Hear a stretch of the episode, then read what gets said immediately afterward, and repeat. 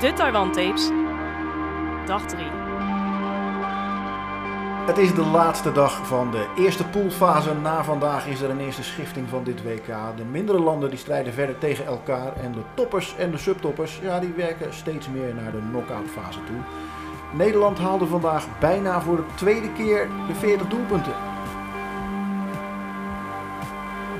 In de Taiwan Tapes bespreken we wat er gebeurt op en rond het WK korfbal in een stad met 2,6 miljoen inwoners, Taipei City. En wij maken daar slechts twee weken deel van uit. Elke dag naast, naast mij uh, Mickey, Mickey Olthoff, korfbalvolger en analist, zelf speler ook. Zeker. Welk niveau eigenlijk? Ja, ik speel momenteel bij uh, SKF.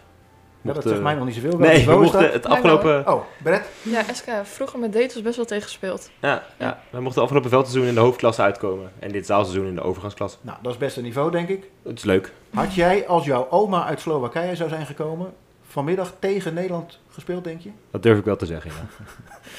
Nou, dat is even een verwijzing naar gisteren, jongens. Als je daar meer over wil weten over Nederlanders die voor andere landen uitkomen. Een gratis tip om die aflevering even, even terug te luisteren.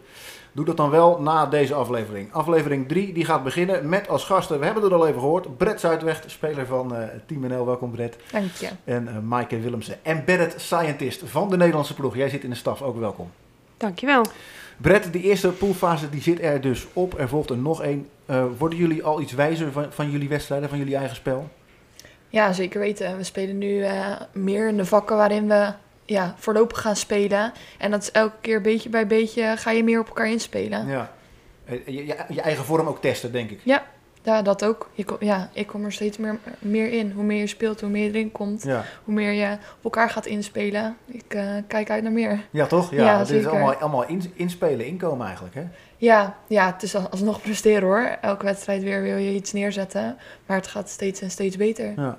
Je zit natuurlijk al een tijdje bij de ploeg, maar het is wel je eerste WK, toch? Ja, dit is mijn eerste WK, ja. ja. ja. Is dat nog anders? Want je hebt wel World Games bijvoorbeeld meegemaakt. Is, dat, is dit dan nog anders, spannender? Of, mm, ik vind het niet anders dan de andere toernooien. Ja, World Games waren wel echt giga groot in Amerika die ik mee mocht maken.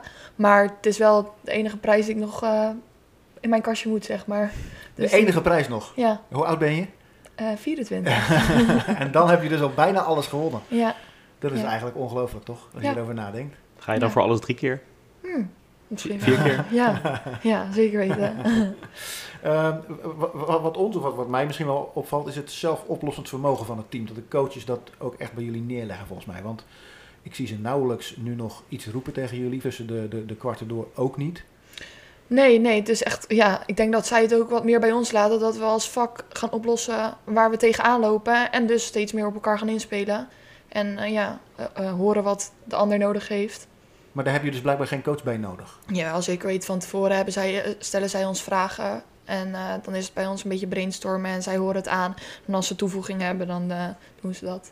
Maar ik denk dat dat in heel weinig sportteams zo gaat. Stellen zij vragen en gaan wij zelf aan de slag. Ja, dat is de manier van coachen wat zij, eh, wat zij wel doen, ja. Vond je daar prettig bij? Vind je dat fijn? Ik moest er eerlijk gezegd in het begin wel echt aan wennen hoor. Maar nu ja, dit ook, dat heeft ook gewoon tijd nodig. En dan ga je er steeds meer mee. Mickey, ehm Brett heeft een geweldig seizoen achter de rug in de Korfbal League. Toch? Ben ik het helemaal mee eens. Toch, Brett? Ja, ik vind wel dat ik een lekker seizoen heb gedraaid. Ja, wa- Wat, houdt een lekker seizoen in? Ehm, ja bijna op elk vlak eh, heb ik wel gedaan wat nodig was. En eh, uiteindelijk hebben we in die zin ook Aoi gehaald en Aoi gewonnen. Dus eh, ja, toevoegen wat er nodig is om die titel binnen te halen, dat heb ik gedaan. Probeer dat eens te specifice- specificeren, toevoegen. Waar, waar liggen jouw kwaliteiten dan? Nou, ik ben denk ik een dynamische speler. Dus eh, als dat een keer een wedstrijd is dat ik eh, meer met me- eh, moet gaan rebounden, dan doe ik dat. En dit keer, dit seizoen vond ik ook dat ik kon opstaan wanneer er doelpunten nodig waren. En dat is, eh, ja, wat ik zeg, eh, goed gelukt dit jaar. Hoe kijk jij naar de ontwikkeling van, van Brett, eh, Mickey? Nou ja, het, is, het is niet dat ze hier zit, maar eh, als je het aan mij had gevraagd, ook aan het einde van het seizoen, had ik gezegd dat Brett de beste speelster van afgelopen Korfbal League seizoen was. En ik heb eigenlijk wel een vraag erover. Je zei net, ik heb eigenlijk alles al een keer ge- gewonnen als je dit WK zou winnen. Nou heb je heel vroeg, als ik me niet vergis, op je 18 een keer de hoofdklassefinale gespeeld. Ja, zeker. Ehm, helpt het dat je dan op zulke jonge leeftijd zulke wedstrijden speelt? Maak je daar dan ook stappen in? Eh, ja, ik denk dat elk jaar mij wel iets gebracht heeft. Ook mijn periode bij Detos. eh, ja, eerst in wedstrijden om eh, ja, in de hoofdklasse en dan uiteindelijk die hoofdklasse finale. Dan ga je eigenlijk met details gaan we naar de league, waarin we onderaan meedoen. En zelfs die wedstrijden hebben mij weer wat gebracht. Ja, je speelt voor degradatie. En het is heel, iets- heel iets anders dan wat ik nu doe. Dus elk jaar heb ik wel eh, iets meegenomen, zeker weten. Ja, en daarna snel een overstap gemaakt naar, ja, tussen aanhalingstekens, het grote PKC. Ja, Daar natuurlijk met wat, eh, wat grote jongens gespeeld. En meiden natuurlijk. En Ja. ik denk dat je nu zelf aan de bovenkant van die ploeg staat. Dus ja, als dat het antwoord op je vraag is, Walter. Nou, ik wil wel weten of zij dat zelf ook vindt. Of je aan de bovenkant van die ploeg staat. Of dat jij nu al op je 24ste en zoveel mee hebt gemaakt, al de ervaren, een van de ervaren speelsters bent. Ehm, nou, we hebben best wel een jong team. Als ik nu boven mij kijk, even denken, Bo is jonger dan dat ik ben. En Romy is jonger dan dat ik ben. Dus ik heb nog wel wat mensen boven me. Maar ik help zeker graag de mensen die er nu bij komen. Heeft niet alleen met leeftijd te maken, toch? Juist ook met ervaring, persoonlijkheid die je, die, je, die je zelf bent. Ja, ja, dat ook.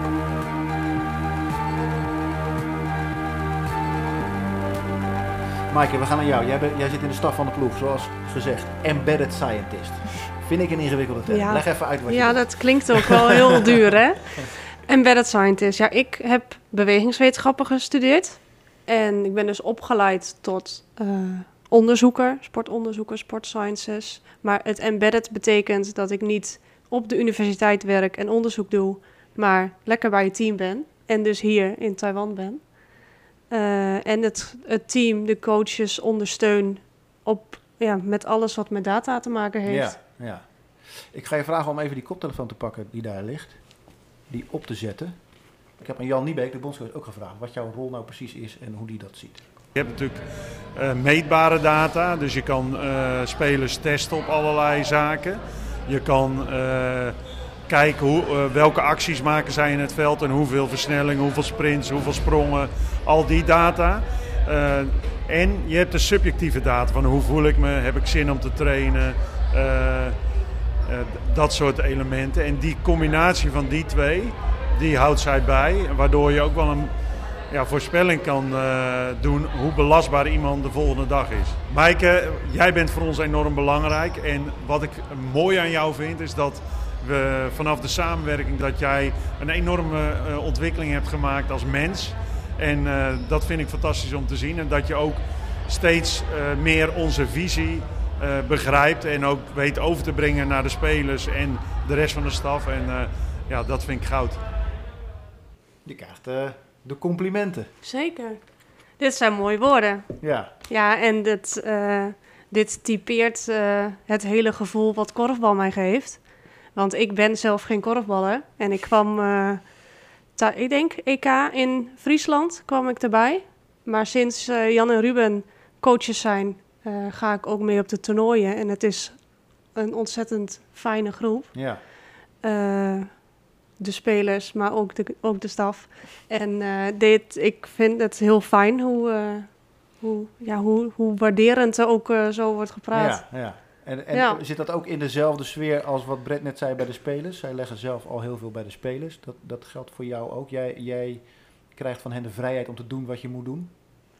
Ja, ja het is echt dat we het, het samen doen. En ik voel me daarin heel erg eh, gesteund door ze, gewaardeerd. En eh, ja, dan versterk je elkaar ook. Ja. En dan eh, kun je nieuwe dingen doen. Want als ik zo'n beetje rondkijk, ben ik de enige wetenschapper die hier rondloopt. Die luxe hebben wij.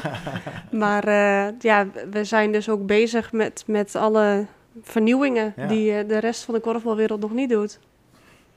Brett, hoe ga jij om met, met de, de gegevens en de cijfers en de data van Mike? Wat, wat gebruik jij? Ehm, ja, sowieso. Je moet, eh, elke dag vullen wij in hoe wij hebben geslapen en hoe je je voelt. En vervolgens vul je ook in hoeveel je al hebt getraind. In een app. Ja, in een app, Smartabase. en ja, vervolgens krijg je wekelijks krijgen wij te zien hoe onze belasting is geweest. En eigenlijk weet je het wel, maar toch altijd op papier kan het er soms anders uitkomen dan dat je voelt. En dan denk ik, oh ja, misschien heb ik inderdaad wel even een zware week gehad. En uh, moet ik even de aankomende week wat rustiger aandoen. Dus Maar zijn dat gewoon vragen of is dat een soort, een soort handleiding of dagboekachtig iets? Of hoe moet ik me dat voorstellen? Nou, hebben bijvoorbeeld je, als, je, als je slaapt, dan vul je in hoe lang je hebt geslapen, hoe je je voelt, eh, wat je belastbaarheid is op cijfers 0 tot en met 10. Tien. En dan 10 is dat je heel goed hebt geslapen, zeg maar. Eh, wat is je belastbaarheid? 4 tegen 4. Mis ik nog Of je spierpijn hebt, Oh, of ja. je stress hebt. Ja. En dat doen we elke dag. Mhm. En daarnaast eh, vullen ze ook al hun trainingen en wedstrijden in. Oké. Ook met een cijfer van 1 tot 10, hoe zwaar ze dat hebben ervaren. En daar komt dus ook de trainingsbelasting eigenlijk uit. En eh, één keer in de week geef ik daar inderdaad ook feedback over aan de clubs van alle spelers. Om ook die samenwerking met de clubs eh, goed te laten verlopen. En wat Brett al mooi zegt is... ehm, kijk, de spelers vullen natuurlijk het zelf in. Dus in principe zijn er geen verrassingen. Maar het feit dat ze er even bewust over nadenken... en dat ook even weer op papier staat... wat ze afgelopen week gedaan hebben... dat helpt denk ik wel heel erg om ook weer eh, ja, je keuzes te maken. Ja, vind ik wel. Ik had bijvoorbeeld na mijn laatste blessure, toen ik weer mocht, toen dacht ik, oké, we gaan er weer voor. en toen had ik een week dat ik best wel veel had gedaan. En toen heb Mike me van, ik denk deze week dat je misschien wat rustiger aan moet doen om de belastbaarheid gewoon ja, op één lijn te houden, Ja. zeg maar. Dan denk ik, ja, daar heeft ze toch wel weer gelijk in om blessure weer te voorkomen. Begrijp ik nog goed uit het verhaal dat jullie dit dus doen ook op weken dat jullie niet op een toernooi zijn? Dus dat het voor jullie echt altijd geldt? Ja, zeker weten. Het hele jaar door vul je die app in. Behalve in onze Het Het vakantie. hele seizoen door, behalve je vakantie. Ja. Dan- geef je ze vrij, Mike, als je Ja. vakantie? Ja, Maar dan voel je je toch juist lekker? Ja, ja, zeker weten. Dan scoor ik alleen maar tien. Maar stel nou, Maaike, dat Brett, eh, ik zeg maar wat, drie keer in de week invult. Nou, ik ben eigenlijk niet zo lekker opgestaan. Wat kun jij daar dan mee? nou, het, is, het heeft vooral een signalerende functie. Dus dan kunnen wij als staf het gesprek met Brett aangaan... en eigenlijk. Uitvragen hoe ze zich voelt... en in hoeverre we haar belasting moeten aanpassen vandaag. Nou, dus het eh, is ook, het is echt ondersteunend. We zullen nooit zeggen, nou, jij mag vandaag niet trainen, want die cijfers die, eh, zijn ondermaats. Het is een, ja, een opening tot een gesprek. mhm. Nou, eh, wilden wij, Maaike, jou een microfoontje meegeven, hadden we het idee, of een microfoon op jouw tafeltje leggen waar je op de laptop zit, maar je zegt eigenlijk helemaal niks. hè, Nee. Nee, dat klopt. Ik zeg niks. Misschien dat je de toetsenbord een beetje hoort tikken. Dus we hebben geen geluid voor jou. Want ik, volgens mij is, werkt het ook zo, Brett, dat zelfs tijdens de wedstrijd, dan wil je wel iets, soms iets weten. Maar het enige wat jij dan doet, is je laptopje omdraaien. Dat klopt. En, en dan, dan weet jij zelf, dan kun jij zelf gelijk zien wat je wil. Wat je wil. Ja, zij zit die gegevens in te vullen en wij hebben een iPadje van, oké, wat is het percentage, schotpercentage, hoeveel turnovers heb je, allemaal dat soort dingen. Dat kunnen we gelijk zien. Dat is ideaal. Ja. Ehm, dit is, lijkt me een toegevoegde waarde, eh, deze cijfers en deze data, eh Mickey. Ge- Gebeurt dit in Nederland door heel het korfbal heen op de hoogste niveaus? Nou ja, ik denk dat het op verschillende manieren wel bij heel veel clubs gebeurt. Ehm, of het nou echt heel specifiek tijdens de wedstrijd zelf is, dat is denk ik beperkt tot een bepaald aantal clubs. Of misschien tot echt de korfbal die ik ken, net, net daaronder. Eh, maar waar wij bijvoorbeeld mee werken is een, is een programma als Team TV. En in Team TV kun je je wedstrijden terugkijken. En daar moet iedereen ook al zijn wedstrijden in uploaden. En dan kun je vervolgens met taggen gaan werken. Dus je kan eh, aanvallen taggen, je kan Mhm. bezig zijn met eh, welke schoten neem ik, welke schoten neem ik waar. En op die manier kun je dus later kun je terugkijken. Dus wij zijn er meestal tijdens de wedstrijd zelf niet mee bezig. Maar daarna kun je wel een heel mooi systeem eruit halen. We- weet jij, Maaike, of, of, of, of andere teams naar jullie op die manier ook kijken, omdat ze dat ook willen gaan doen? Of dat de IKF misschien wel eh, een keer bij jou heeft geïnformeerd van, hey, kunnen we niet iets met jouw expertise doen? Ehm, nou, ik, ik heb er wel eens gesprekken over gehad, omdat ze natuurlijk zien dat ik dat aan het doen ben. Eh, en eh, volgens mij ga ik aanstaande vrijdag met eh Sjouke een presentatie geven aan coaches over het gebruik van data. Oké, Dat zal de basis zijn, maar wel een mooie manier om andere landen ook te inspireren. ja, dus het is ook echt in ontwikkeling internationaal gezien. Het is niet alleen maar dat Nederland dit doet omdat dat nou eenmaal kan bij Nederland, maar het, wordt ook breder het gaat ook breder worden gedragen. Ja, nou ja, je bent natuurlijk altijd afhankelijk van iemand die het ook bijhoudt. Maar ik denk dat eh, los van de berekeningen of de analyses die ik doe, dat het in de basis al heel veel winst oplevert als je in gesprek bent over Ja. En eh, ik denk dat de Taiwanese heel goed weten wat hun schotpercentages zijn. Ja, ja, er zit er eentje bij. Eh, Wen heet ze volgens mij. Die, die schiet bijna, nou ja, als ze, als, ze, als ze zes keer schiet, dan is het zes keer raak. Toch, Brett? Ja. Die hadden wij vandaag ook hoor, Femke Faber. Ja, dat klopt. Ja, ja, ja. die speelde vandaag ook een uitstekende partij. Jij bent geen korfbalster, zei je al. Heb je moeten wennen aan, aan het korfbalsfeertje van het team? Of eh, hoe gaat het dan? Nou, het zijn allemaal hele open, vriendelijke mensen. En Zeg dat is. Nee, dat, dat is echt zo. En, maar de hele korfbalwereld is zo. En eh, ja, dat ja, het wennen klinkt alsof, je, alsof het dan... Klinkt misschien een beetje negatief. Het is gewoon makkelijk om erin te rollen. Iedereen betrekt je erbij. Maar kun je een vergelijking, want je bent ook actief in andere sporten toch? Handbal, meen ik? Ik werk ook voor handbal, ja. Kun je, kun je een vergelijking trekken? Kun je een vergelijking maken? Hoe, misschien niet eens voor je eigen gevoel, maar hoe de belastbaarheid van een korfballer ten opzichte van een handballer is? Nou, wij hebben het laatst op Papendal eh, metingen gedaan. Met, eh, dan hebben we hesjes om en hartslagbanden. Dus dan zie je hoeveel er tijdens de wedstrijd wordt gerend, gesprint, gesprongen, et cetera. Nou, die metingen die doe ik ook dagelijks bij handbal. Ehm, ik denk dat eh, men onderschat hoe intensief korfbal is. Omdat mensen toch het idee hebben dat je de helft van de tijd in dat andere vak niks staat te doen. Mhm. Maar als je gaat kijken naar onze data, dan eh, is gewoon gedurende het hele kwart de hartslag hartstikke hoog. Er is weinig herstel als de bal in het andere vak is. Ehm, ja, als de bal in jouw vak is, sta je gewoon niet stil. Je bent continu natuurlijk bezig met vrijspelen. Dus heel veel eh, versnellingen, vertragingen. Ja, wat dan handbal bijvoorbeeld wel heeft, is dat zij veel meer meters maken op hoge snelheid. Want zij, ge- zij gebruiken ook het hele veld. Mhm. Dus in die zin is het anders. Handbal heeft natuurlijk ook meer duels. Maar ehm, het vrijspelen is wel ontzettend intensief. Ja, mensen onderschatten dat dus eigenlijk. Ja. ja, ja. Jij, jij, jij glimlacht al een beetje, Brett. Heb jij dat idee ook, dat mensen wel eens onderschatten? Ja, dat idee heb ik soms ook wel, Ja? ja. ja. Wat krijg je daar opmerkingen over dan? Of? Nee, niet per se, maar ik heb meer het gevoel dat inderdaad mensen het ook onderschatten. En soms hoor je het wel eens inderdaad, als ik, eh, weet ik veel, als ik op school het een keer over had met iemand, korfbal, ja. Want eh, heel veel mensen weten het ook niet echt als Mhm. ik daar naar kijk. Dat is eigenlijk wel grappig, of wel merkwaardig toch, want korfbal wordt wel heel veel gespeeld in Nederland. Ook op, op scholen door kinderen. Ja, het, het wisselt heel erg. Ja. Ja. ja. Ehm, er waren vandaag ook eh, een paar kinderen. Ik zag in ieder geval een klas. Ja, jij eh, bent opgeleid tot, ik ben onderwijsassistente en ik ga nog voor de PABO. kijk aan. Ja. Eh, en jullie zijn ook naar zo'n school geweest, toch? Ja. Wat hebben jullie daar gedaan?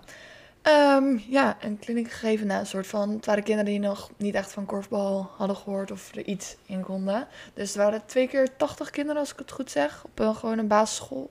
En dat was ook een school waar op zaterdag Nederlandse kinderen komen. Dus die waren er ook veel vandaag. En we hebben twee keer een demonstratie gegeven van hoe werkt korfbal nu een beetje. En daarna wat eh, spelvormen gedaan. Laten we even luisteren naar, naar eh, een eh, klein meisje en haar vader die vandaag bij de wedstrijd was. Wat is je naam? Mia, Mia heet jij. vertel eens wat je hebt gedaan. in een mandje gegooid. Ja, donderdag, kwam het Nederlandse team naar een lokale school hier in eh, Taipei. Eh, mijn dochter zit ook op die school door de week. En zaterdag hebben ze een Nederlandse les eh, ja, bij de Nederlandse school, Taipei. Ja. Ze hebben een demonstratie gegeven aan de kinderen van de school. Ja, dat was heel leuk om te zien. Iedereen mocht even meedoen. En ja, voor mij ook eh, weer eventjes een tijd geleden dat ik voor het laatst korfbal gespeeld heb natuurlijk. Dus dat was wel weer leuk om, ja, om eraan mee te doen. En kenden jouw kinderen en de kinderen misschien in het algemeen, kenden die het korfbal al? Eh, nee, nee, helemaal niet. Eh, ik wist ook niet dat het hier in Taiwan een populaire sport eh, was, eh, totdat eh, het contact kwam met het, eh, het Nederlandse korfbalbond. Dat was Jeroen, de vader van eh, Mia. Ehm Brett, je zei al een beetje, ja, die, ki- dat zijn 80, 80 kinderen. Ja, twee keer 80. Twee keer ja. 80, dus toch Ja. 160 kinderen. Ehm, en zij weten eigenlijk geen van allen wat korfbal inhoudt. Ja, dat, dat, ja dat, idee, dat dacht ik hoor. Dat weet ik niet 100% zeker. En zo zag het er ook niet per se uit. En dat waren ook allemaal Taiwanese kinderen, toch? Eh, ja, ja, Ja, precies. Ja, dat er zaten ook een paar, die, eh, Jeroen en Mia, dat, eh, dat zijn wel echt Nederlandse mensen die, die even naar, die, naar jullie clinic zijn gekomen. Oh, oké. die Dan had waren- ik ze niet in mijn groepje. Ik had alleen maar Taiwanese kinderen in mijn En, en hoe, hoe doe je dat dan? Hoe communiceer je? Hoe, hoe ga je aan de slag met die kinderen? Ja, ehm, proberen Engels met de docenten te praten en voor de rest gebarentaal. En het voordoen inderdaad. En dat werkt gelijk. Ja, enthousiast reageren Ja. wanneer ze het goed doen. En het, is, het zal niet gelijk hardcore korfbal zijn, toch? Het zijn ook een beetje spelletjes. Nee, het was nu vooral al eh pasen naar de overkant en een bal aan, aan één kant van jouw teampje krijgen, Ja, zeg maar zo. ja. En, en, en ging dat goed? Hadden ze er lol in?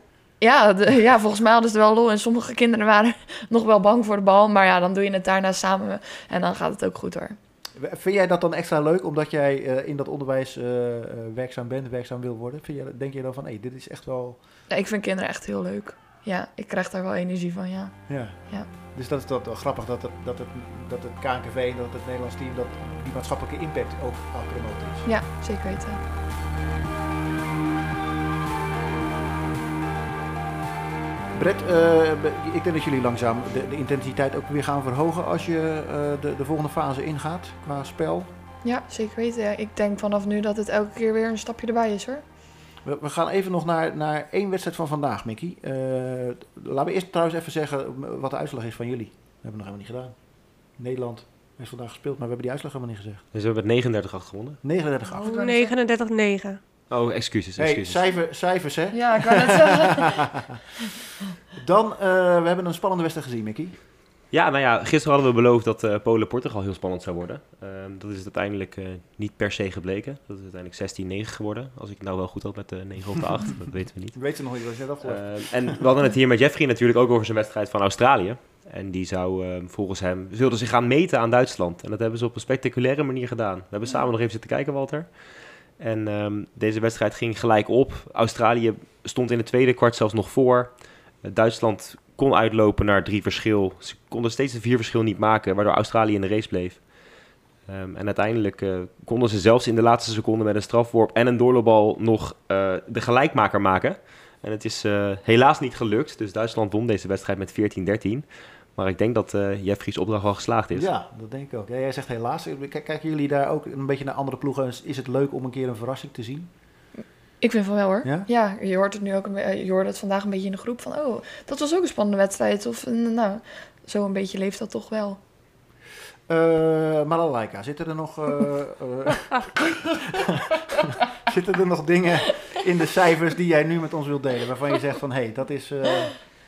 Nou, waar wij eh, de eerste wedstrijden was ons doel om een aanvalspercentage van 50% te halen. Nou, we hadden vandaag 80 aanvallen. We hebben 39 keer gescoord.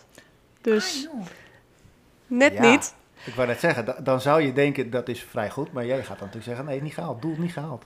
Net niet. Maar het is geen significant eh, verschil. Dus ik tel hem goed. Nee, eh, zo zijn we bezig. En ehm, we hebben eigenlijk...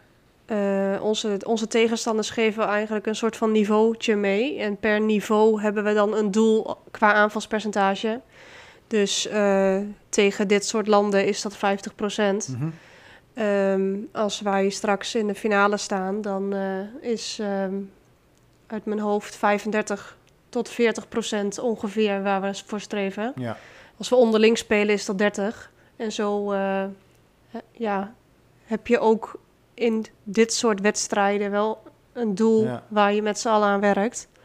En ehm, ja, ja, als, als je dat dus niet haalt, ook iets om over te praten. En eh, nu ga je, Mickey, Nederland gaat met Catalonië in een groep. En? Catalonië en Tsjechië. En ik heb zojuist even opgezocht. Ja. Eh, Tsjechië stond met 25-15 voor. Dus we kunnen volgens mij wel zeggen dat ze morgen tegen Catalonië spelen. Eh, zijn dat, nou, weet je dat ook gelijk. Ja. Eh, zijn dat dan gelijk landen waarvan jij meteen weet van, oh, dan gaan we dat en dat doen, Maaike? Of, of is dat, want je zei net al, we de- we delen dat in, in, in misschien wel A, B, C landen. Mhm. In welke categorie Ehm, zitten deze twee? Nou, dat eh, laat ik aan de coaches over. Maar ehm, ik denk dat, dat het nu een niveautje hoger wordt. Dus eh, dat zou in ieder geval mooi zijn. Iets meer eh, spanning ook. Iets meer druk. Ja. Ja, leuk. Nou ja, dat, dat wil je ook wel toch als speler. Je, je wil op een gegeven moment wel echt die druk ook voelen van, van je tegenstander. Want die Ja. heb je nu eigenlijk helemaal niet gehad. Nee, voor- ja, ik heb er heel veel zin in om dan inderdaad weer steeds meer druk te krijgen. En steeds meer bezig daarmee moeten zijn. Zeker. Dankjewel voor jullie verhaal. Ja. Wij voegen dag 3 toe aan het dossier van eh, de Taiwan Tapes. Alle afleveringen trouwens te beluisteren via je favoriete podcast app. En hou vooral ook de social media van korfbal.nl in de gaten. Het is een dagelijkse podcast. Dus morgen alweer de volgende aflevering. Tot dan.直到下一次。 Lekker, hou vol.